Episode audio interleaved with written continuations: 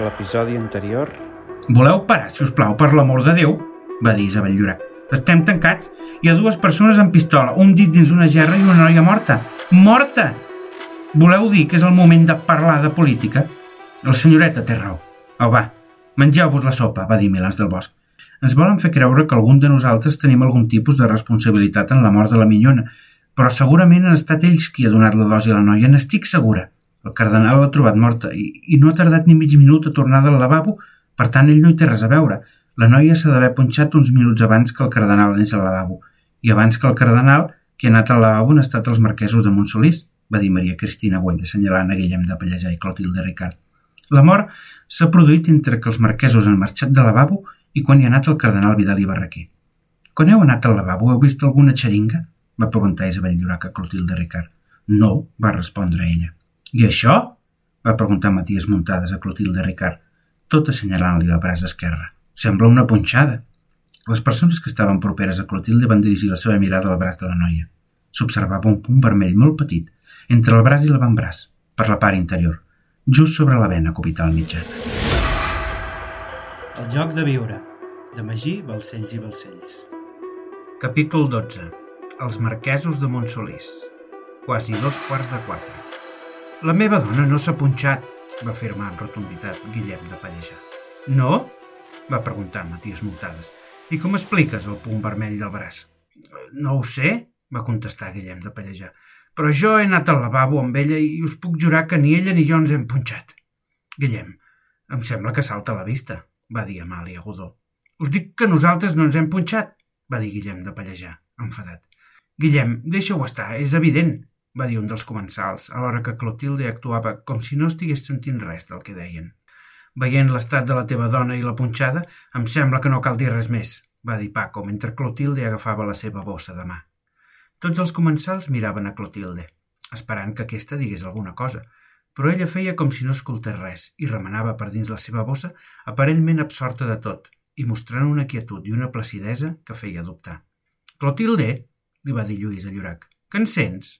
Clotilde continuava remenant l'interior de la seva vella bossa de mà Louis Vuitton, feta de pell de cocodril, com si no sentís res i esbossant un lleuger somriure que no feia més que engrandir la desconfiança de tots els presents.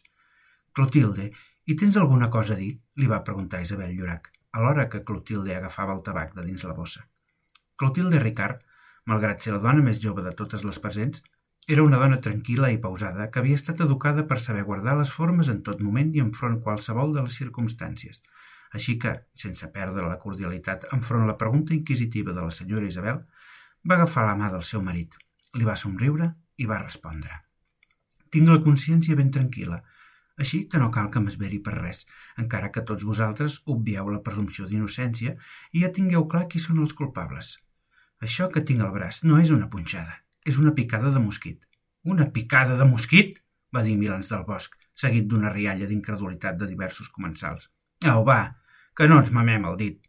No deixaré que ningú posi en dubte el nostre honor, va dir Guillem de Pallejà, tot alçant-se de la taula.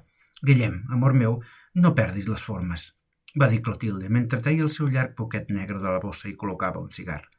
Nosaltres sabem la veritat, tranquil. No tenim res a amagar i, i el més important, tenim la consciència tranquil·la. Guillem de Pallejà i Ferrer Vidal i Clotilde Ricard i Roger, marquesos de Montsolís, eren un matrimoni que, com en el de la major part de la burgesia, responia a un interès econòmic i social, però, sens dubte, d'entre tots els matrimonis que hi havia al castell, el seu era el que més fruits havia proporcionat. I és que per entendre la posició econòmica i social dels marquesos de Montsolís era imprescindible conèixer els matrimonis dels seus pares i els seus avis. Una política matrimonial familiar que havia arribat al seu màxim esplendor amb Guillem i Clotilde i que es podia resumir com el patrimoni pel matrimoni. Clotilde Ricard i Roger era una dona de 34 anys, més aviat baixa i de constitució petita, amb una cavallera llisa i castanya fins a l'altura de la mandíbula, a l'estil garçon, i uns ulls clars que li dibuixaven una atractiva i penetrant mirada amiga personal de la senyora Isabel Llorac i membre assídua del seu club de festes, vestia un bonic vestit beix de Coco Chanel, fet a mida, i lluïa un esplèndid i llarguíssim collaret de perles amb diverses voltes. Havia arribat a viure amb el seu marit aproximadament sobre tres quarts d'una del migdia. sobre un magnífic Dusseldorf Model A, un cotxe elegant fabricat a Indianapolis, que s'havia convertit en pioner per ser el primer a tenir frens hidràulics. Clotilde havia nascut i crescut al Palau del Marquès de Santa Isabel, un vell edifici del passeig de Sant Joan que els Ricard havien construït el 1887. Un palauet amb jardí, auster i elegant, que seguia línies clàssiques i que destacava, sobretot, pel bonic hivernacle de vidre que hi havia al jardí. Els Ricard eren una rica i poderosa família del tèxtil, originaris del Berguedà, que destacaven per la fama que els seus estampats tenien arreu d'Europa. L'aventura industrial de la família havia començat de la mà del besavi de Clotilde, Jaume Ricard i Guitart, nascut en un mas de Casserres el 1796.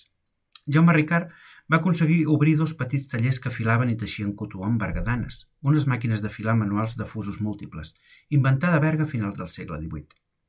Gràcies als beneficis que va obtenir amb els tallers, va obrir una petita fàbrica de filats de cotó al carrer de la Patacada de Barcelona el 1824 i va inventar un sistema per treure la borra dels filats de cotó mitjançant gas hidrogen carbonat, un invent que li va donar molts rèdits, en ser adoptat per molts fabricants del ram. Aquest fet, la invenció i la venda d'aquest sistema, li va permetre enriquir-se de forma suficient per contraure matrimoni amb Rosa Givert i Abril, membre d'una de les bones famílies de Barcelona i germana del militar Jaume Givert i Abril, nomenat marquès de Santa Isabel per la reina Isabel II. La patent i el matrimoni van comportar que fos nomenat president del ram de filats de la Comissió de Fàbriques el 1830 i li va obrir les portes a convertir-se en membre de la Junta de Govern del Banc de Barcelona.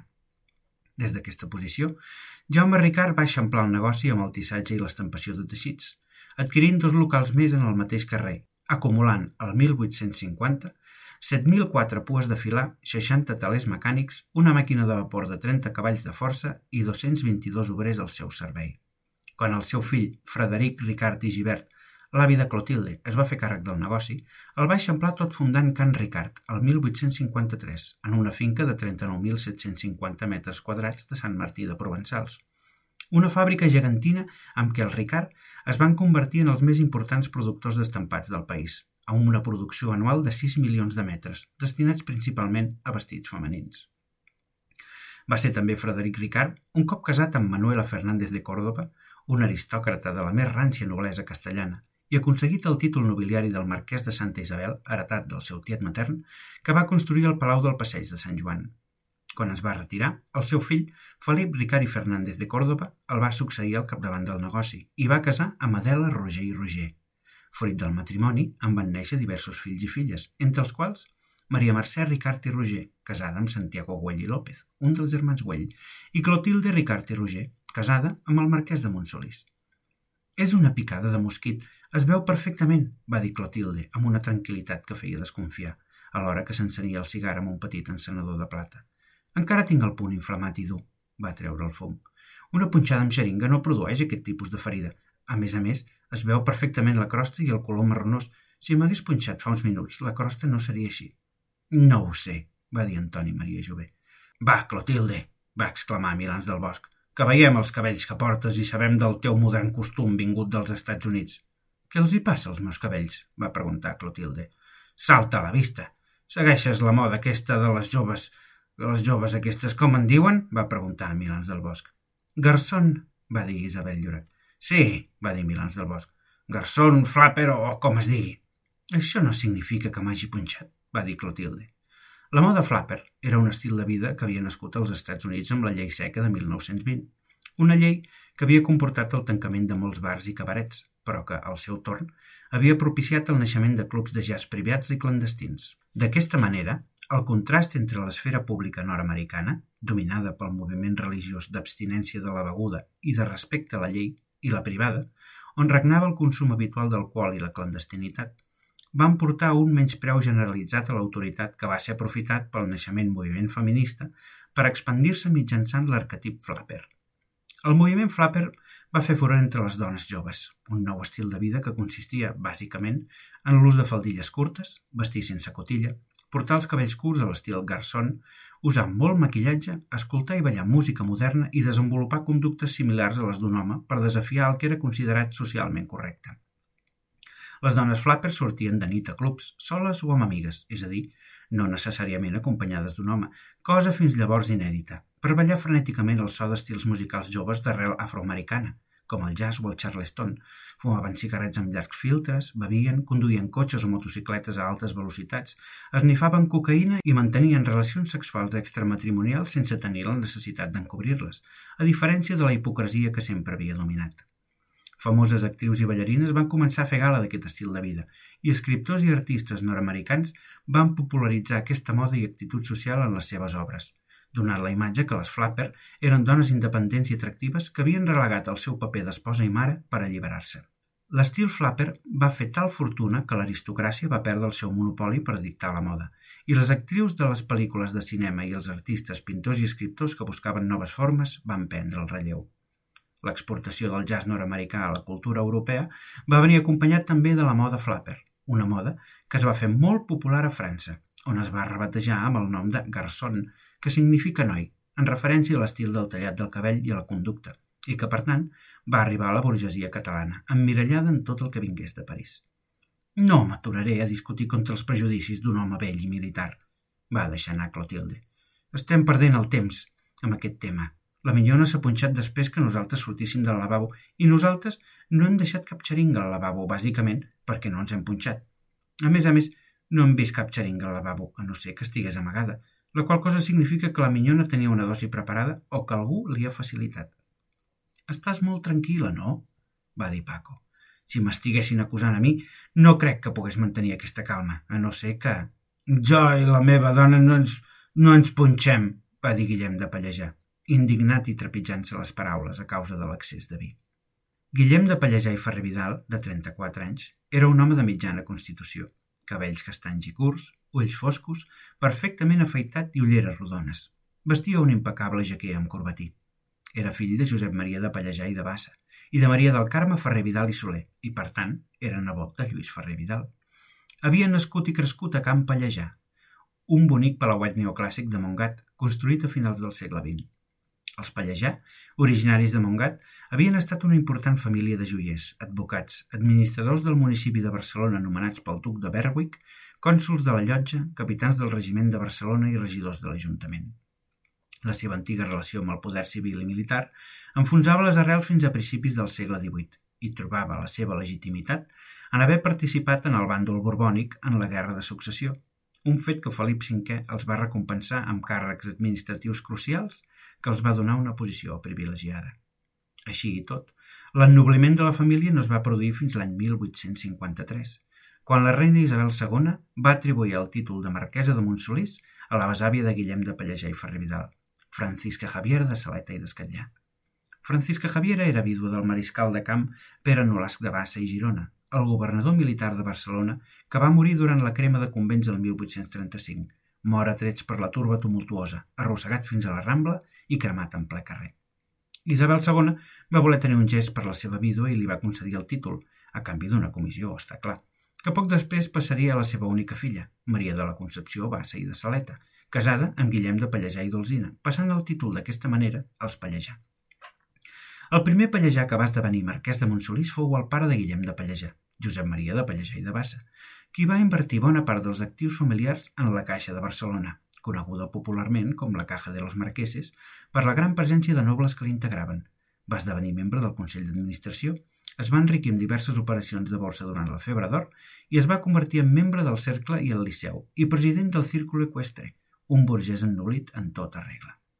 La posició econòmica i social de Josep Maria de Pallejà es va consolidar encara més quan va contraure matrimoni amb Maria del Carme Ferrer Vidal i Soler, germana de Lluís Ferrer Vidal, el president i fundador de la Caixa. D'aquest fructuós matrimoni en va néixer Guillem de Pallejà, qui, seguint l'exemple dels seus pares i avis, va buscar una esposa de casa bona i va casar amb Clotilde Ricard, la filla petita del marquès de Santa Isabel i membre de la família Ricard, la més rica i famosa de les famílies tèxtils barcelonides dedicades a l'estampat. Així, amb el matrimoni de Pallejà-Ricard, es va aconseguir teixir un vincle burgès sense precedents i els Ferrer-Vidal, els Pallejà, els Ricard, els Olzina, els Givert, els Fernández de Córdoba, els Roger, els Güell i els Despujol quedaven units en parentiu, creant una xarxa familiar burgesa incomparable que obria un ventall de possibilitats de negoci, poder i influència únics. En qualsevol cas, Al marge que us hàgiu punxat o no, estem perdent el temps perquè suposant que algú de nosaltres hagués deixat una xeringa al bany, cap de nosaltres és responsable de la mort de la minyona, va dir Maria Cristina amb rotunditat. S'ha punxat ella sola, probablement induïda per la gent que ens té aquí tancats. Estem perdent el temps buscant respostes per la mort de la minyona, quan hauríem d'estar buscant qui ha orquestat aquest maleït joc. Però com li poden haver facilitat la gent que ens té tancats? Si un és a fora i l'altre és a dalt, va dir Isabel Llorac. Està tot tancat. És veritat. Com pot haver tingut contacte amb aquesta gent la minyona, si no ha pujat a dalt ni ha sortit del castell? va preguntar el comte de Godó. Potser algú d'aquí treballa en connivència amb els nostres captors? va dir Maria Cristina. Al moment, un silenci d'incredulitat i por es va fer present a la sala, i tots els comensals van sentir néixer la desconfiança envers tots els homes i dones del castell. Això és un malson, va dir Isabel, posant-se les mans al cap. Val més que continuem per obtenir la pròxima prova, va dir el marquès de Montsolís. Quan abans s'acabi tot aquest malson, millor. Estic d'acord amb tu, li va dir Milans del Bosc. Així que anem per feina. Tothom ja s'ha acabat el plat, oi? Sembla que sí, va dir Matías Montades. I el vi? va preguntar Milans del Bosc.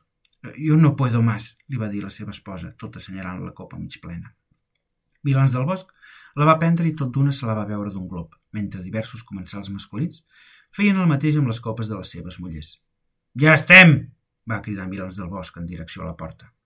Al cap d'uns segons, en una incòmoda espera, des de l'altre cantó de la porta es va sentir. Falten tres ampolles de vi. No és cert, estan totes buides, va respondre Anna Jové, la vídua de Girona. Només heu portat set ampolles aquest cop i sabem perfectament que hi ha deu ampolles per cada plat va respondre des de l'altre cantó de la porta. Com ho saben, això? va dir Isabel Llorac, mirant l'infinit. Cada cop estic més segura que hi ha algú aquí dins que els hi passa informació, va dir Maria Cristina Güell. No hi haurà més pistes fins que es veguin el que falta, va dir la persona de l'altre cantó de la porta. I si continuen intentant enganyar, la minyona no serà l'única que traspassarà. Porteu les putes ampolles i repartiu-les entre tots els homes, va dir Milans del Bosc a Avelino. El majordom va assentir i al moment Ramon Gasol va portar les tres ampolles i conjuntament amb Mercedes Miret i Aniceta Tierra Seca, Cambrera i Minyona respectivament, les van repartir entre els vint homes i van enretirar els plats bruts de la crema d'ordi. Salut! va dir Paco tot alçant la copa. D'un sol glob, la majoria dels homes van beure el vi, i abans que tots haguessin deixat la copa a la taula, des de la ranúria de la bústia va caure un sobre. Es tractava d'un sobre idèntic als anteriors, amb 32 petits sobres numerats a l'interior, que un cop repartits van llegir per ordre. Busquem un número, va dir Isabel Güell. Compost per tres xifres, va llegir Antoni Maria Jové. Totes elles diferents, va seguir Paco, que sumades entre si, va llegir Clotilde. Ens dona el mateix resultat, va dir Amàlia Godó, que el quart va seguir Anna Jové. Nombre triangular, va llegir Maria Carbonell. En el consolat de Pròcol i Paulí, va dir Josep Patlló. D'entre tots els Cèsars, el vencedor, va llegir Eusebi Güell. Malgrat la gran oposició, decidir va seguir el cardenal Vidal i Barraquer. Acabar amb el món del gladiador, va llegir Ramon Godó. Quan tots els homes en mitra, va dir Lluïsa Llorac, s'agenollaren a besar, va seguir el marquès de Montsolís. Als peus del romà més idòlatre, va llegir Consuelo Jové. I sense deixar de resar, va dir Francesc Cambó. I per obra i gràcia de l'Esperit Sant, va seguir Domènec Cert. El llibre dels llibres fou forjat, va dir Maria Teresa Núñez del Pino. Tot un geni santificant, va llegir Virgínia Xurruca. El qui a la creu va ser penjat, va seguir Lluís Ferrer Vidal. Per unir en un sol home tota l'autoritat espiritual, va dir Milans del Bosc. Del primer bisbe de Roma com a cap de l'Església Universal, va llegir Èdit de Llaurador. I si no us sou versats en història, aquí us deixem una altra pista, va dir Carme Estruc. Si el quart nombre primer, va dir Joan Godó, el multipliquem per ell mateix, va llegir Paulina Pozzali, i el resultat hi sumem, va seguir Maria Cristina Güell. El desè nombre primer, va dir Carlos de Sant Manat, i hi restem el sisè nombre primer, va llegir Matías Muntades. Obtenim un resultat, va seguir Isabel Llorac, que multiplicat pel, va dir el comte de Güell, nombre atòmic del bor, va llegir Bertran i Mosito. Ens dona un número determinat, va seguir Arnaldo de Mercader. Sabeu quin número és? va finalitzar Antònia Bertran. Intuint que ja havien conclòs, tothom va girar la vista en la direcció a Maria Cristina Güell, que, com en les anteriors ocasions, ho havia anat escrivint tot. Maria Cristina es va aclarir la gola i va llegir. Busquem un número compost per tres xifres, totes elles diferents, que sumades entre si ens dona el mateix resultat que el quart nombre triangular. En el consolat de Pròcol i Paulí, d'entre tots els Cèsars, el vencedor, malgrat la gran oposició, decidí acabar amb el món del gladiador. Quan tots els homes amb mitra s'agenollaren a besar els peus del romà més idòlatre, i sense deixar de resar, i per obra i gràcia de l'Esperit Sant, el llibre dels llibres fou forjat, tot un geni santificant, al qui a la creu va ser penjat, per unir en un sol home tota l'autoritat espiritual del primer bisbe de Roma com a cap de l'Església Universal. I si no sou versats en història, aquí us deixem una altra pista. Si el quart nombre primer el multipliquem per ell mateix i el resultat hi sumem el desè nombre primer i hi restem el sisè nombre primer, obtenim un resultat que multiplicat pel nombre atòmic del bor ens dona un número determinat. Sabeu quin número és?